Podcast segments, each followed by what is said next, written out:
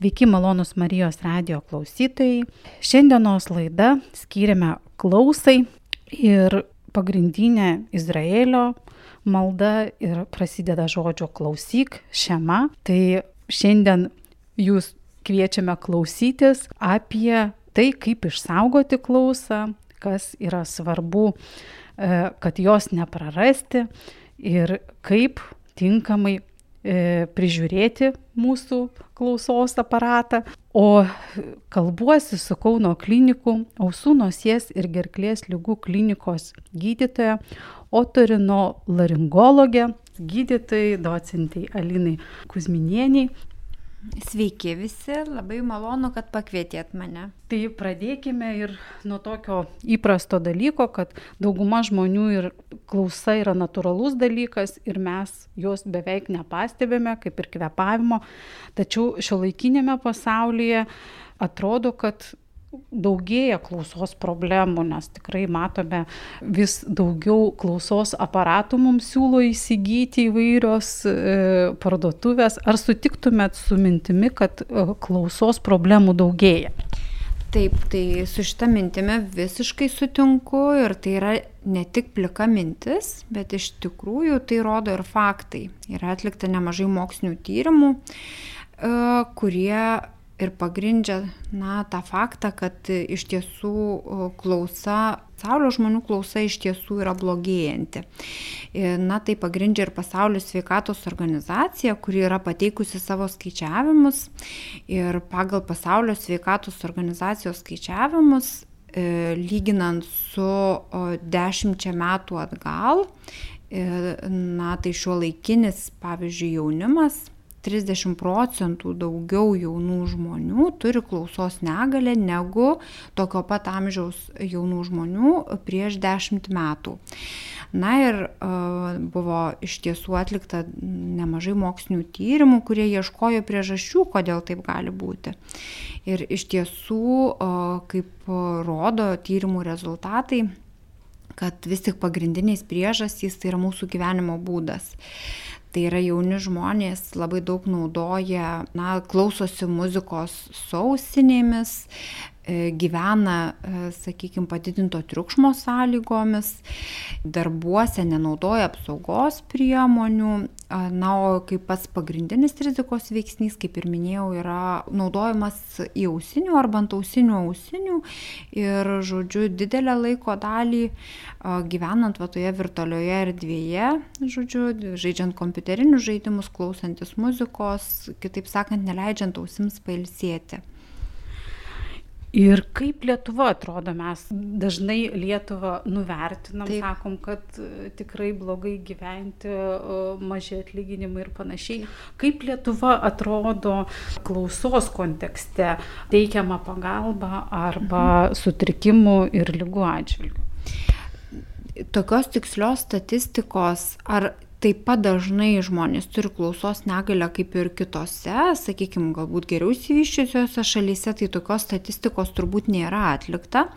Tačiau iš atskirų tokių komponentų, pavyzdžiui, yra vykdomos skriningo programos, tarkim, naujagimų skriningo programa, kur mes tikrinam, na, kiek naujagimų, koks procentas yra neprigirdinčių. Tai Lietuva pasaulinėme kontekste arba, sakykime, įsivyščiusių šalių kontekste tai atrodo panašiai arba net šiek tiek geriau jeigu kalbame apie lygos dažnį. Na, sakykime, vyresnio amžiaus, žmonės tai turbūt taip pat dažnai serga, tik tai ne taip pat dažnai turbūt kreipiasi į gydytojus, e, nes klausos sutrikimas tam tikra prasme Lietuvoje yra dogma ir žmonės, na, nedrįsta, bijo, jiem gėda pripažinti, kad turi tokią negalę. Bet šiaip manyčiau, kad e, lygos pasireiškimo dažnume, net neturėdama statistinių skaičiavimų, taip drįščiau teikti, kad turėtume atrodyti panašiai kaip ir dauguma išsivyščiusių pasaulio šalių. Na, jeigu mes kalbame apie pagalbą neprigirdintiems žmonėms, tai pagalba Lietuvoje yra tikrai gana aukšto lygio ir um, pradedant nuo to, kad um, yra vykdoma visuotinė naujagimių klausos patikra, reiškia jeigu vaikui ar kūdikiui ar naujagimiui, sakykim, ar atsiranda klausos negalė ar gimsta su klausos negalė, mes ją anksti pastebime. O vyresnio amžiaus žmonės tai iš tiesų turi visas galimybės kreiptis į gydytoją specialistą ir pagalbą iš tiesų jie gauna pakankamai greitai, jeigu kreipiasi. Gydymą E, gauna tokį, žodžiu, jeigu reikalingas yra medikamentinis gydimas klausai atstatyti, tai gydimą mūsų pacientai gauna absoliučiai tokį patį kaip ir visose išsivyščiusiuose pasaulio šalyse. Na, o jeigu mes kalbam apie klausos reabilitacijos procesą, tai yra tuo met, kai medikamentinis gydimas yra neefektyvus ir mes turime skirti reabilitavimo priemonės, tai reabilitacija, žodžiu, e, su kiekvienais metais tas procesas tobulėja, gerėja, jisai labiau pritaikomas prie žmonių poreikių. Yra šalių, kurios reabilitavimo tą procesą vykdo, na, sklandžiau, daugiau lėšų skiria iš tiesų, bet Lietuva, na, sakyčiau, yra labai jau daugiau negu pusiaukelė nuėjus ir iš tiesų mes atrodome gana neblogai. Tai turim ko pasidžiaugti. Tai ačiū Jums už tokią išsame problemos ir jos sprendimo būdų pristatymą ir grįžkime prie to, kasgi yra gera klausa ir kas yra blogėjanti arba bloga klausa, kaip mums patiems vat, susigaudyti. Tai gera klausa, jeigu mes grinai moksliškai sausai, va taip žodžiu, vertintume, tai žmogaus klausa yra vertinama, kada, prie kokio garso intensyvumo žodžiu, žmogus pajunta garso pojūtį. Ir skaitosi normali klausa yra, kada kalbiniuose dažniuose, tai yra dažniausiai pasitaikančiuose gamtoje dažniuose, mes girdim ne garsesnį kaip 25 decibelų garsą. Ta žmogui, kuris na, nedirba otorinolaringologijos rytyje įsivaizduoti yra labai sunku. Tai realiai kas iš tiesų geriausiai parodo, žodžiu, klausos būklę, Tai yra tai, kaip žmogus girdi aplinkos garsus, tuos kasdienius aplinkos garsus.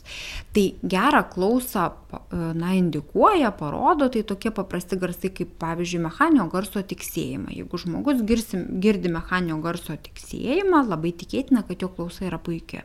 Jeigu žmogus girdi, kaip iš čiaupo varva vanduo, kapsi į kriauklę, taip, tai tokį garsą, jeigu žmogus girdi, jau galime taip subjektyviai sakyti, kad greičiausiai tokio žmogaus klausa yra gera.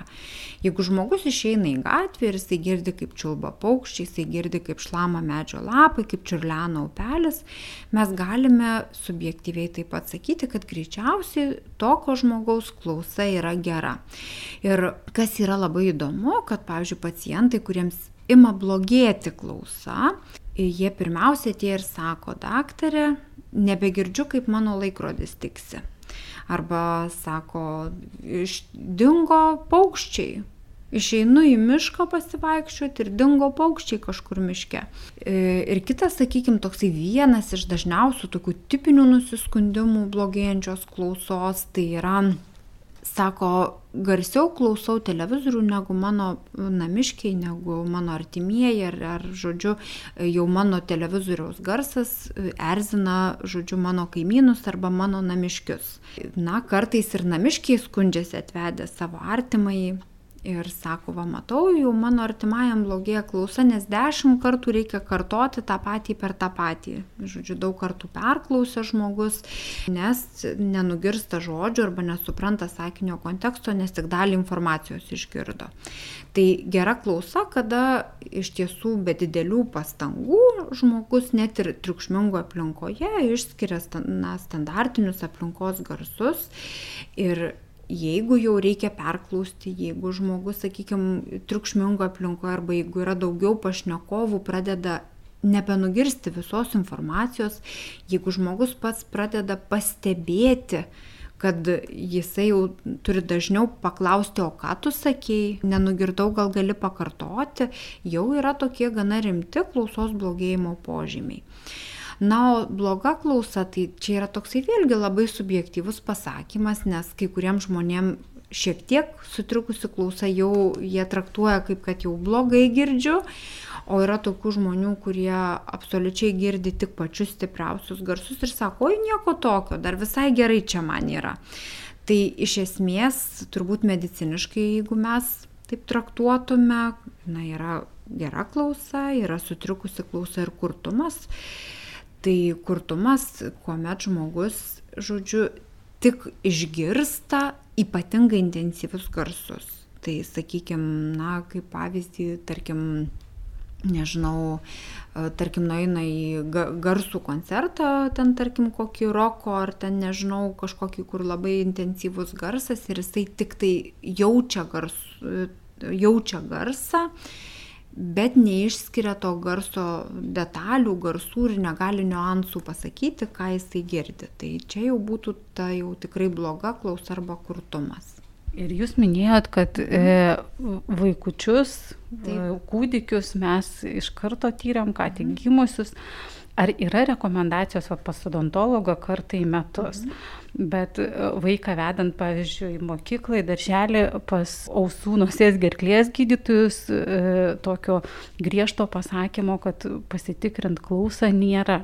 Ar yra kažkokios vat, rekomendacijos periodiškumo, ar tik tais, vat, kada jau blogai kreiptis? Taip, tai rekomendacijos Lietuvoje tai yra rekomendacija tik viena, tokia net ne rekomendacija, bet yra ministro įsakymas, kuris įpareigoja visus gydytojus, kurie priima arba prižiūri naujagimį, kad, žodžiu, naujagimystėje arba ankstyvoje kūdikystėje jų klausa būtų ištirta. Nes klausos sutrikimas yra dažnas populacijoje žodžiu, ir, na, na, tai yra įtraukta į skrininginę programą. Toliau skriningų, tokių, kad privaloma būtų tirti klausą, tikrai nėra. Pasaulyje labai priklauso nuo šalies, žodžiu, nes e, čia tokio pasaulinio standarto nėra. Yra tam tikrose šalyse, yra, sakykime, mokyklinio amžiaus vaikų skriningas, kur tikrina prieš mokyklą arba, sakykime, pradinėse klasėse vaikučių klausą. Ir dabar labai populiarėja pasaulyje, tai yra seniorų, vyresnio amžiaus žmonių klausos skriningas. Todėl, kad, kaip ir minėjau, ta problema, žodžiu, tokia, kad neįgymas klausos negalios yra tikrai labai paplitusi. Ir, na, ir tiesiog, ta, nežinau, ar bijojimas, ar gėdinimasis, ar tiesiog nesuvokimas esamos problemos uh, lemia tai, kad iš tiesų klausos nereabilitavimas laiku na, sukelia labai daug blogų negrįžtamų pasiekmių, pavyzdžiui, sakykime, demencijos vystimasi, labai skatina ir tas yra moksliškai įrodyta, skatina Alzheimerio vystimasi, žodžiu, skatina pacientams socialinės izolacijos e, problemą, nes žmonės, e, e, na, kuomet pajaučia, kad jau jie daug ko negirdi, jie jaučiasi nekomfortabiliai, o dar jeigu žmonės dažniausiai susierzinę, nu, atsako antrą kartą ar trečią pakartoja ir tada tiesiog nesąmoningai žmogus pradeda vengti susibūrimų, vengti, žodžiu, koncertų, vengti bendravimo ir po truputį, po truputį atsiranda ta socialinė tokia izolacija. Tai e, jau, na, nemažai pasaulio šalių yra įsivedę tą seniorų, tokį vyresnių žmonių skriningą. Mes, gydytojai otorinolaringologai Lietuvoje taip pat labai norėtume tokio skriningo ir labai tikimės, kad ateityje jisai bus. Bet tokio, na, tokio šiai dienai patvirtintų rekomendacijų Lietuvoje mes tikrai neturim išskyrus naujagimius. Bet jūs iš savo praktikos, ką galėtumėt rekomenduoti? Mes vat, privalomai turim tik tai naujagimius, bet e, vat, ir pasaulinės tendencijas, ką vat, mūsų klauso ir teveliai, ir, ir seneliai, įvairiaus amžiaus žmonės. Ką jūs tiesiog mūsų klausytojams rekomenduotumėt? Ar mokyklinio amžiaus vaikus tėveliams rekomenduotumėt nuvesti ten kažkokio amžiaus arba vat sulaukus kažkokio senjorams būdingo amžiaus? Jeigu būtų mano valioje, tai aš iš tiesų labai norėčiau, kad būtų tyriami naujagimiai, vaikai prieš, prieš pradedant lankyti mokyklą, kad būtų visuotinė Lietuvos vaikų patikra. Ir žmonių, kurie sulaukia 50 metų amžiaus, nes moksliškai yra įrodyta, kad nuo 50 metų amžiaus klausa ima blogėti. Natūraliai tiesiog, natūralūs tokie, žodžiu, organizmo senėjimo procesai vyksta ir mūsų klausos analizatoriaus senėjimo, tai aš rekomenduočiau naujagimystėje prieš pradedant eiti į mokyklą ir 50 metų amžiuje labai kviečiame klausytojus atsižvelgti ir iš tikrųjų kaip akis tikrinam, rekomenduojama prieš mokyklą, taip, taip pat galima užsiregistruoti ir klausos patikrai. O kur tikrinama? Ar čia tik tais galima patikrinti specializuotuose klinikose, ar gali šeimos gydytojas patikrinti? Ar, e, nu dabar kartais ir matom, kad prie klausos aparatų parduotuvių tų vadinamų yra parašyta, kad tikrina klausą. Mhm.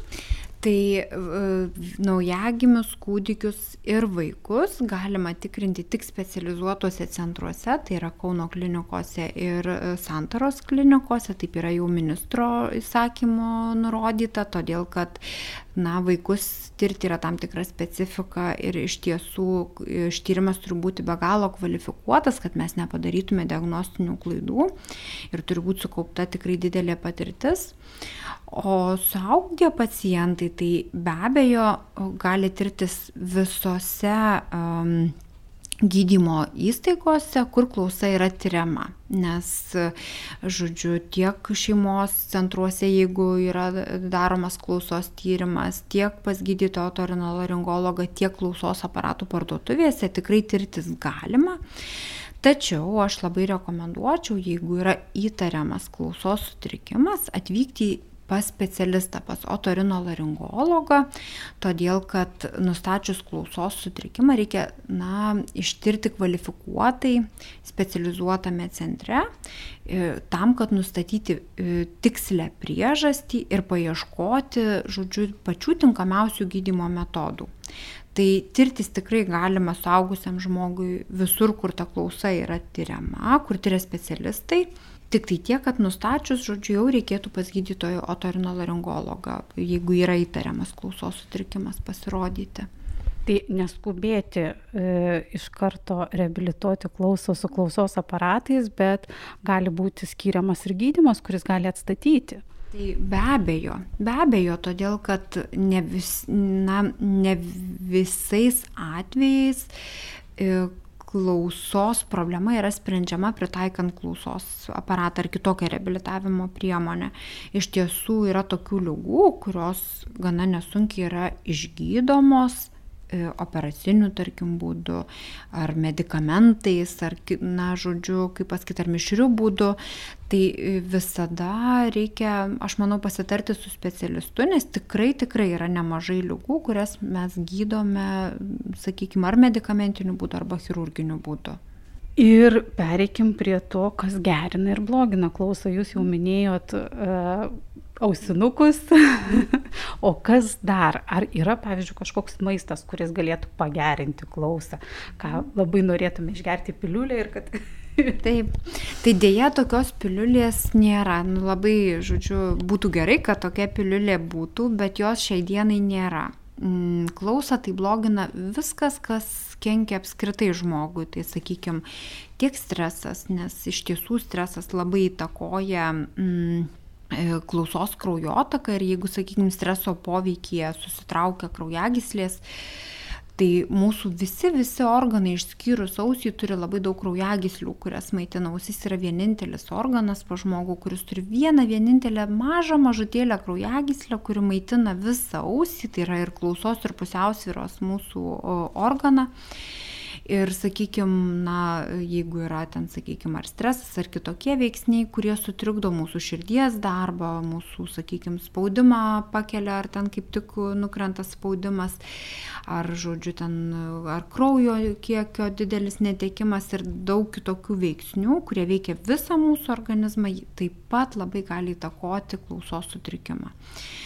Tai be abejo ir, sakykime, na, nesvei, nesveiko maisto valgymas, kuris kažkokiu būdu gali paveikti, nežinau, ten viršsvorį sukelti, sutrikdyti mūsų kraujotaką, įtakoti kraujo spaudimo pakelimą, tai be abejo netiesiogiai gali prisidėti ir prie klausos blogėjimo.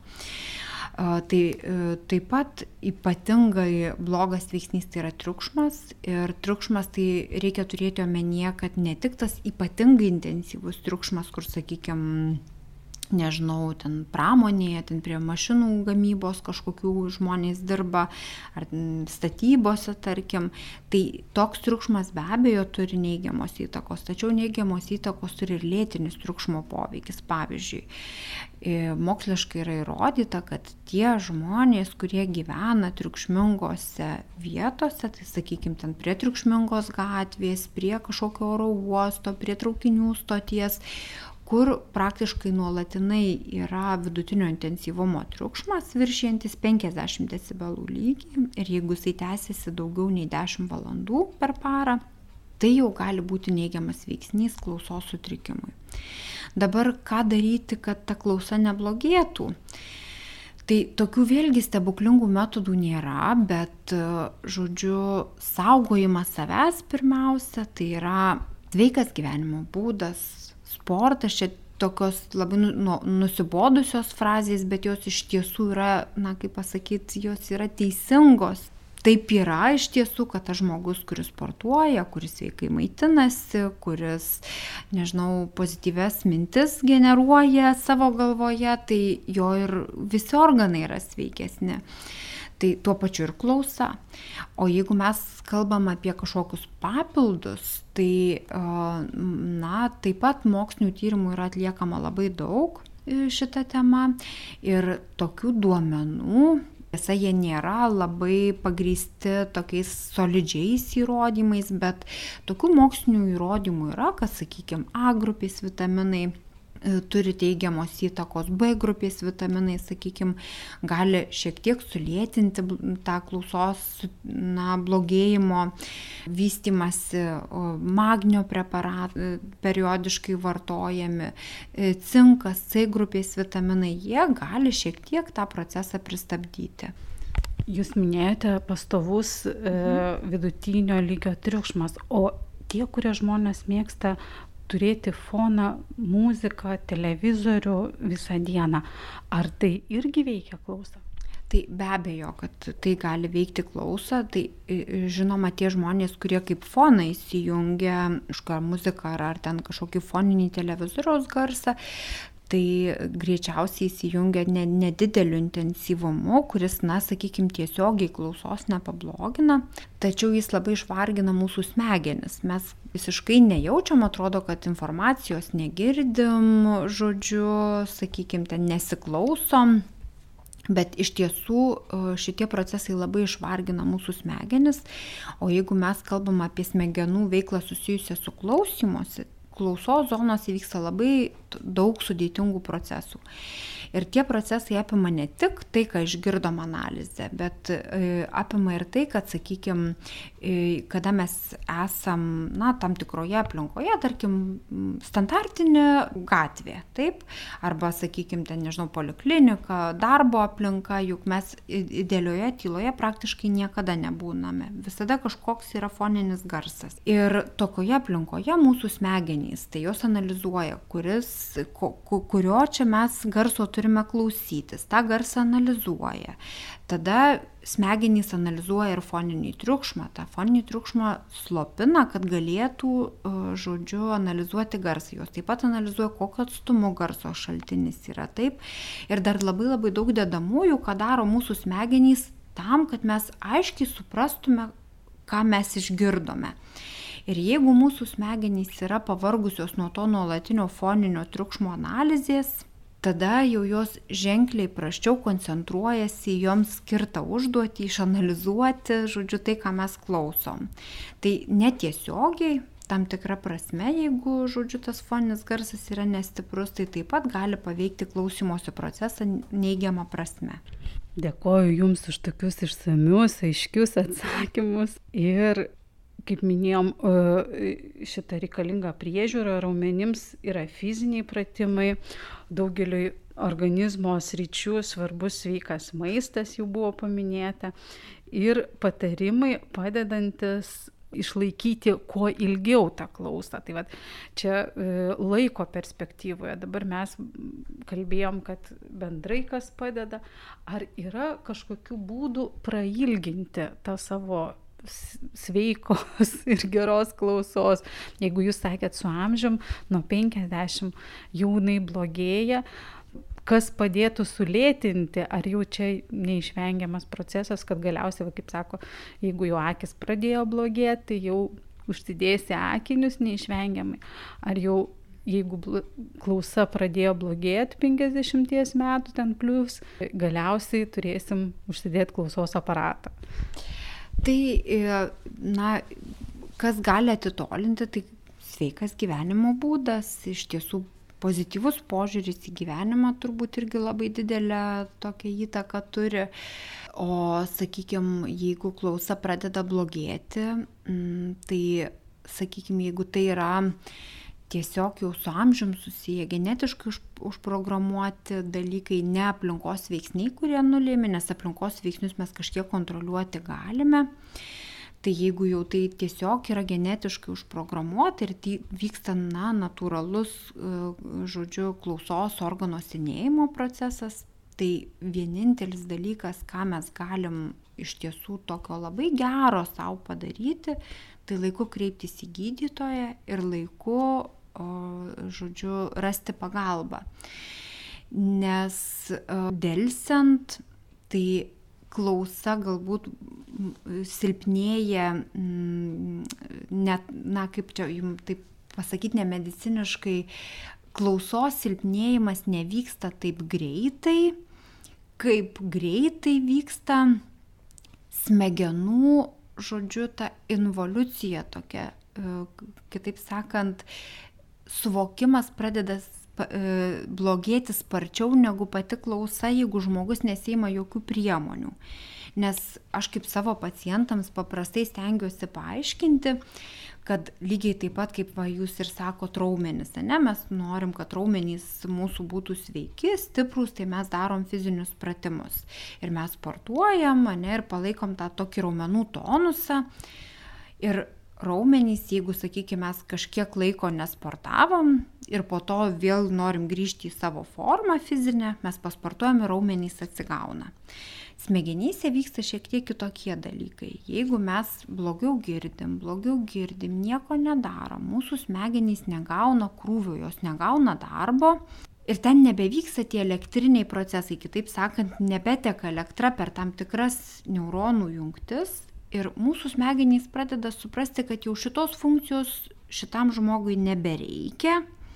Ir po tam tikro laiko jau nebevyksta tam tikri procesai smegenyse ir tai yra nebegrįžtamas procesas jau gali, žodžiu, bandyti klausą reabilituoti, bet tas procesas jau po tam tikrų, e, e, žodžiu, po, po tam tikrų etapų jau jis yra nebegrįžtamas. Tai žmogus ką gali padaryti, kaip gali savo pagelbėti, tai yra laiku gauti tinkamą gydymą. Tai ar tai yra medikamentinis, ar tai yra operacinis gydimo metodas, ar tai yra klausos aparatas, jeigu žmogus jį laiku pradeda nešioti, tai jisai tikrai gali pristabdyti, žodžiu, viso to klausimosi kelio senėjimą. Tai iš tikrųjų padrasinkime e, ir aš pritariu ir tikrai savo aplinkoje turiu žmonės, kurie e, laiku išdryso kreiptis ir jų gyvenimo kokybė tikrai pagerėjo. Tai vad, kad ir jaunas žmogus, klausos aparato dėvėjimas tikrai nėra kažkoks tai blogis, ar tikrai jų dabar yra turbūt visokių. Tai gal galit truputėlį staptilti dėl pasirinkimo to klausos aparato, jeigu jau aišku, jeigu jau nustatė, kad yra reikalingas klausos aparatas. Kaip jį parinkti? Ar ir nu, gal kompensacijos dar prieisim prie kompensacijos mechanizmų, kurie, nes kartais sakom, kad kompensuojamas yra, jis yra neišvaizdus, ten grėmėsdiškas, nepatrauklus, o gal galima savo lėšomis nusipirkti tokį, kuris būtų e, ne tik pagalba, bet ir estetika. Tai be abejo, e, iš tiesų, um, E, klausos aparatai Lietuvoje yra kompensuojami visiems. Ir kūdikiams, ir, ir vaikams, ir paaugliams, ir suaugusiems, ir seniorams. Ir ta kompensacijos suma yra iš tiesų dabar jau jinai darosi tikrai pakankamai patraukli. Nes, na, ligonių kasos tikrai deda nemažai pastangų, kad klausos reabilitavimo procesą padarytų patrauklų mūsų Lietuvo žmonėms. Dabar, na, kompensavimo tvarka yra labai paprasta, tai tiesiog nueinat pas šeimos gydytoją pacientas, šeimos gydytoja na, įtaria iš tam tikrų subjektyvių tyrimo metodų, kad pacientui gali būti sutrikusi klausa, nusinčia pas gydytoją otorinolaringologą, kuris jeigu nustato klausos sutrikimą, kuriam reikia klausos aparatų, tai ir paskiria tą kompensuojamą klausos aparatą pacientas tada gali kreiptis į bet kurią, žodžiu, klausos reabilitavimo įmonę, jų Lietuvoje yra be galo daug, konkurencija yra labai didelė ir pacientas gali rinktis. Ir pacientas gali rinktis ne tik įmonę, jis gali rinktis, ar jisai ims tik už kompensacijos sumą, ar jis dar prisidės kažkiek pinigėlių ir įsigis ar kažkokį modernesnį, ar kažkokį gražesnį, ar patogesnį aparatą, tai čia jau yra visiškai, žodžiu, pasirinkimo reikalas. Žmogus kokį nori, tokį gali išsirinkti. Dabar kokie būtų patarimai, tai aš realiai tai siūlyčiau mm, kreiptis bent į keletą įmonių ir fiziškai išbandyti. Todėl, kad matot, gydytojas gali, tarkim, patarti, kokie parametrai aparatų jam konkrečiai prie jo, sakykime, klausos pažeidimo lygio tiktų labiausiai. Bet su kokiu aparatu pacientas jaus didžiausią komfortą ir girdės aiškiausią garsą, gali pasakyti tik pats pacientas. Tai kitaip sakant, užsidėjus aparatą, išėjus į gatvę, ten nežinau, grįžus į namus, nuėjus į darbinę aplinką, jisai gali pasibandyti, panešioti, įsivertinti, kaip jam yra komfortabilu, kaip jis aiškiai girdi, kokie yra pliusai, kokie minusai. Ir Lietuvoje tai iš tiesų turbūt visos įmonės duoda nemokamai bent savaitę žmogui panešioti bent keletą rūšių aparatų ir, na, ir pasilyginę žmogus visus aparatų privalumus, minusus, ten pliusus, gali išsirinkti patį geriausią variantą. Tas galioja ir kompensuojamiem, ir aparatams su priemoka. Tai aš va tą labai rekomenduočiau ir pasinaudoti tuo mechanizmu ir tą realiai įgyvendinti iš tiesų, išsibandyti skirtingus, skirtingų firmų, skirtingus aparatus ir tiesiog išsirinkti tokį, kuris geriausiai tinka. Ir ausų priežiūra. Mums liko jau nedaug laiko. E, kaip prižiūrėti ausis. Labai dažnai girdime iš gydytojų, kad ausų krapštukai mūsų civilizacijos rykštė. Kodėl jie yra e, netinkami arba kaip juos tinkamai naudoti? Mhm. Tai e, iš tiesų visų pirma, tai tas pavadinimas neturėtų toksai būti, aš žinau, kad visi mes sakom ausų krapštukai, bet iš tiesų tai yra hygieniniai krapštukai, kurie nėra skirti valyti ausims. Tai ausys e, pagal visas taisyklės turėtų būti nevalomos, o plaunamos. Tai lygiai taip pat kaip mes plaunam galvą, veidą, rankas, kojas, lygiai taip pat ir ausis reikėtų tiek, kiek telpa pirštas, vandeniu ir muilu išplauti ir po to gerai jas išsausinti. Išsausinti taip pat yra labai paprasta, tai yra patraukti kaušelį atgal, o priešais kaušelį yra tokia taugėlė, kurį, mes gydytojai kramsliu vadinam patraukus kaušelį, paspaudinėti, žodžiu, tą kremslytę, kuri yra prieš įeigą jausį ir tiesiog vanduo yra išstumiamas lauk. Tai, kas išstumiama, galima išvalyti su rankšluoščiu ar, van, ar vatos tamponėliu. Ir tokios ausų, žodžiu, priežiūros, tokio valymo pilnai užtenka. Dabar patys hygieniniai krapštukai, tai jie mm, iš tiesų e, na, sudaro tokį įspūdį, kad jie valo, bet dažniausiai tai jie nustumia sierą gilyn ir dažnai naudojant hygieninius krapštukus, tai siera yra tiesiog nustumiama, sutrombuojama ir na, dažnai ir, žodžiu, gana greitai susiformuoja sieros kamštis. Išorinėje ausyje. Taip pat krapštukai turi riziką ir pakenkti, sakykime, jeigu besivalydamas ausis nusikosti, nusičiaudė, ar ten kažkas pastumė, ar, ar, ar pats susvirduliuoja žmogus ir, ir na, sakykime, krapštukas gali nuslysti gilyn ir pažeisti ir būgnelį, ir suardyti klausos kauliukų grandinę. Tai dėl to, žodžiu, jie na, yra nerekomenduojami, nes yra ir nesaugus. O kamštis, ar jisai, e, siros kamštis e, sunkina klausą, ar jisai gali būti blogos klausos priežastis? Mhm. Taip, be abejo. E, siros kamštis, tai, na, jeigu yra susiformavęs kamštis, kuris obturuoja ausies landą, tai jisai gali netgi labai stipriai bloginti klausą. Ir iš tiesų tai yra gana dažna problema ir ypatingai, pavyzdžiui, pasireiškia po maudymosi duše arba po maudymosi atviruose vandens telkiniuose, e, išsimaudo, patenka vandens į landą, išburksta sieros kamštis ir tada, na, žmogui visiškai užgulaus. Tik tai labai gera žinia ta, kad tokia lyga labai lengvai išgydoma yra. ir kur kreiptis, jeigu labai lengvai? Tai šiaip sieros kamštį tai gydo ir šeimos gydytojai. Tik tai tokiais atvejais, kuomet šeimos gydytojai nepasiseka pašalinti, tada pas otorinolaringologą gali pacientas nuvykti, bet sieros kamštis yra labai lengvai išgydoma lyga. Tai reiškia, jeigu uh, blogos klausos priežastis yra sieros kamštis, tai pats geriausias, e, kaip sakant, pati geriausia diagnozė šioje srityje. Tikrai taip, tai tik, nes pagydom pacientus labai greitai iki pilno pasveikimo. Ir dar klausimas apie paveldamumą. Jūs jau minėjote truputėlį, kad e, jeigu negrįžtami procesai yra ne dėl senėjimo, bet dėl genetikos, ar e, jau yra tiksliai nustatyta, kad tarkim, jeigu e, tėvai turėjo klausos problemų, tai jau vaikas šimta procentų turės ir jau tada reikia būtinai sekti ir žiūrėti. Čia labai priklauso nuo to, um, koksai, um, na, kaip, kokie pakeitimai yra žmogaus genetinėme kode. Uh, E, yra tokių, na, sakykime, genetinių lygų arba tokių gen, pakitimų žmogaus genuose, kurie lemia, kad uh, vaikas šimta procentų paveldės neprigirdėjimą. Tačiau daugeliu atveju, na,